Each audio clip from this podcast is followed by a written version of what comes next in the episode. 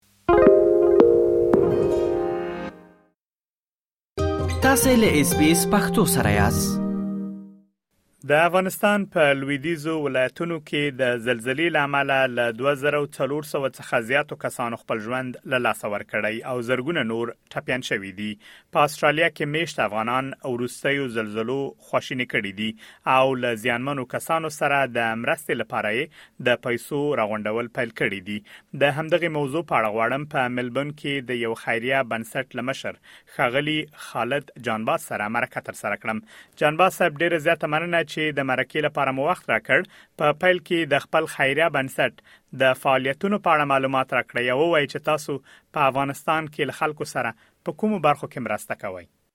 مجیب جان السلام علیکم زه خالد جانباز د اچ ان ای خیرې بنسټ مشر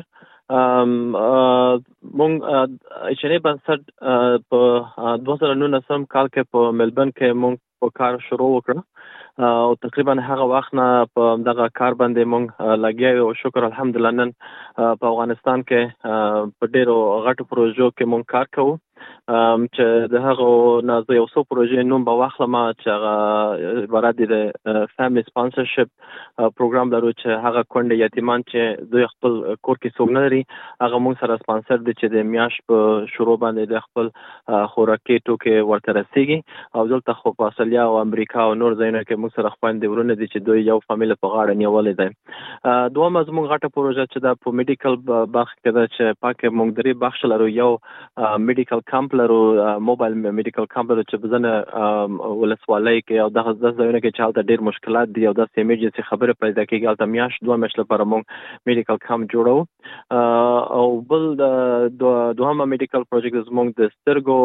د عملیاتو پروژه ده چې تقریبا پروسه کار موږ شروع کړو او تر اوسه پورې زیاتر د 1500 کسانو زیاته موږ د سترګو عملیاتونه کړی دي یعنی آی کاتریک عملیاتونه کړی دي او په روسه کال د سخ کال موږ یو بل پروژه شروع کړه د هغه خويندورونو لپاره چې د دوی د غوګو پرابلم لري او دوی نشي اوریدلای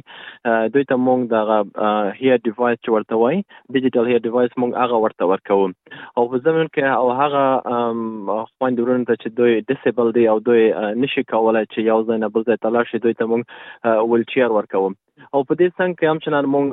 دوه نور مهم پروژې چې لرو چې هغه د ښځو لپاره د کونډې او یتیمان لپاره په درې ولایتو کې چې عبارت د جلال آباد، غزني او کابل کې د خیاطي کورسونه دي چې هر دوره شپږ میاشتې دوام کوي او شپږ میاشتې پس چې دوی خلاصيږي ورځ په هفته کې څلور ورځې کلاسونه لري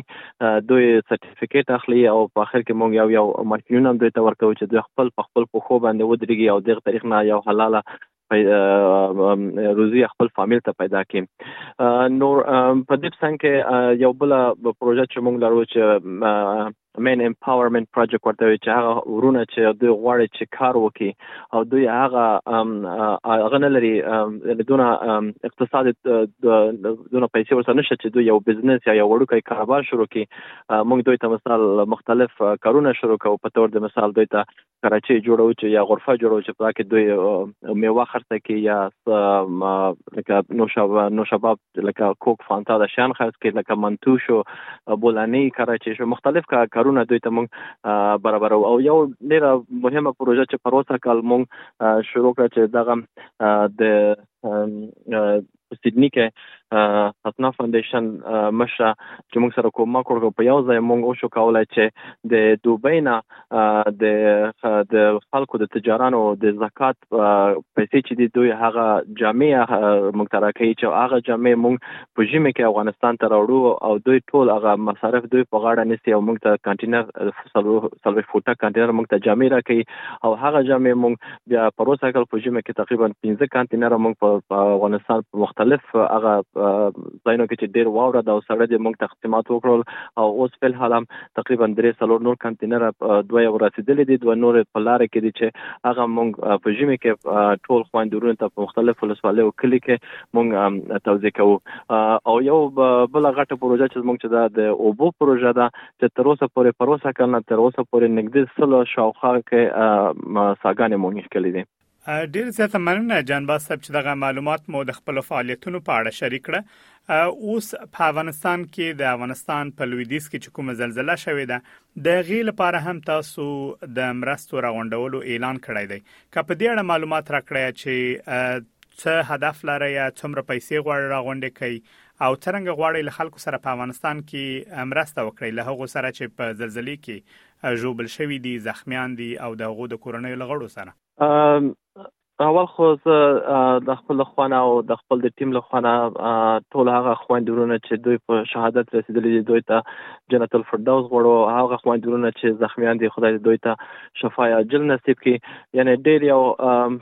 یعنی ټول وربه په دغه هغه باندې خپه دي او موږ خپل هم خپه یاست خپه یو خو د لپاره چې موږ یو شی وشو کولای خپل لخوانه موږ یو اچ ان یعنی هیلپینګ نیډي افغانز یا به بزل افغانانو سره مرسته زموږ اورګنایزیشن چې موږ په دې تصمیم شو چې موږ یو کمپاین ورته شروع کوو چې هغه کمپاین کې مونږ خپل ټارګټ شو زره ډالر تعین کړی دی چې پاکه به هغه د لپاره جوړ کړی چې هغه خويند ورونه چې مثال دوی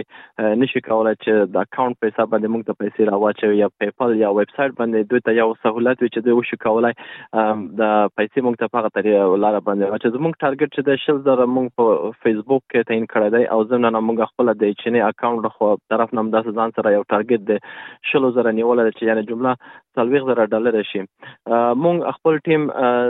نن سره ساري وخت دوی سره خبرې کړې دي تاسو د امریکې نه مخته ما خبرې وکړې ټیم ان شاء الله چې نن دوی ځي هرات ته ځي او دوی خپل غ سروي او د شان شو شروع کوي چې ګورو مونږ څه کولای شو په اول کې چې مونږ اول اقدام وکړو فیصله په دې شو چې مونږ به اول دوی ته تقریبا دغه جامع چې مونږ سره راغلي دي او زمونږ په ویر هاوس کې په کابل کې پراته دي دوی ته مونږ یو ټرک نیول دي چې تقریبا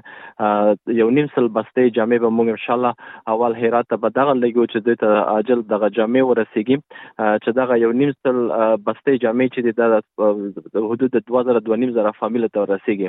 اول دغه زموږ کار دی دنه پس سونه پیسې چې موږ راټول کړې هغه باندې د پس ته موږ تصمیم نیسو چې څه وکړو د لپاره فل حال که تاسو په میډیا کم کتلې وي چې نن سبا ټول نور بنسټونه او نور مؤسسې او نور زمونږ لګه کرکټ پلیران دي یا نور سندرغاړي دي د ټول مثال غواړي پیسې راټول کړي یو شانته د ګډوډي د زموږ د تجربې نه چې مونږ قبل هم دا کار کړی دی نو موږ غواړو چې لږ دغه ټول شان لږ سره آرام شي او څو ورځې کې د نور بنسټونه خپل کومکونه وکړي او زموږ خپل غلیستونه برابر کو هغه نه پس موږ ګورو چې دوی هغه ضرورت شي دي هغه په مطابق دغه پیسې به دوی موږ ورته ویشو یا به دوی ته نقد پیسې ورکو یا به دوی ته خوراکي ټوکې اخلو او یا که دوی ته مثال کمپلې یا مثال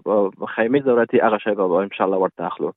جانباز صاحب ستاسو پاند څومره مهمه ده ترڅو په استرالیا کې میشت افغانان مرستې وکړي ترڅو د دوی مرستې زلزلې ځپلو ته په افغانستان کې ورسیږي که د اهمیت په اړه راته ووایاست او بل دا وایي چې څنګه خلک کولای شي خپل مرستې په افغانستان کې له زلزلې ځپلو سره وکړي آیا د تاسو د ادارې ترڅنګ نورې لارې هم شته چې دوی کولای شي خپلې پیسې یا مرستې واستوي؟ بالکل بالکل زما یعنی خواهش دی د ټولو میشتو افغانانو نه په استرالیا کې چې سیګر سپ وکټوریا کې دی په نیو ساوت ویلز کې یا ساوت استرالیا کې ټول افغانانو نه زما د خواهش دی چې ما همیشه دا خبره کړې ده بار بار مې ویلې دي چې زه دا نه غوایم چې تاسو راشئ خپل کومکونه ما ته راکې یا اچنې ته ورکې دلته موږ په استرالیا کې ډېر نور ارګنایزیشنونه لرو په خپل وکټوريا کې په سیدنی کې په بریزبن کې دوی کولای شي چې مثال هر څوک هر ځای چې دوی ته مثال د قناعت بخش ځای دی کولای شي چې خپل غ ډونیشن ولګي او دا وخت ډېر مهم وخت دی په یعنی 15 ډالر لس ډالر هر شي چې وي مثال الته په افغانستان کې یو ډیر ډیر پیسې دي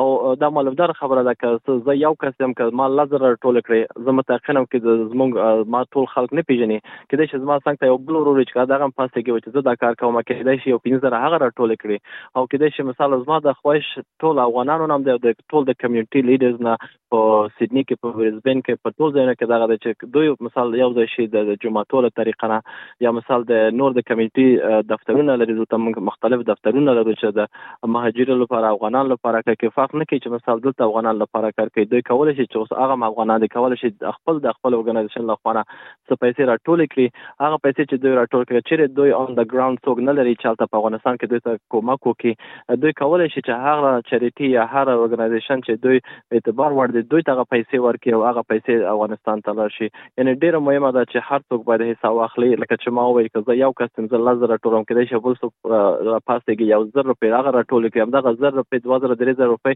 ډیر شای کېږي او هغلته ډیر خلکو ته ان شاء الله کومک رسېږي. ښاغلی خالد جانباز له تاسو نه ډېره زیاته مننه چې موږ ته مو د مرکې لپاره وخت راکړ.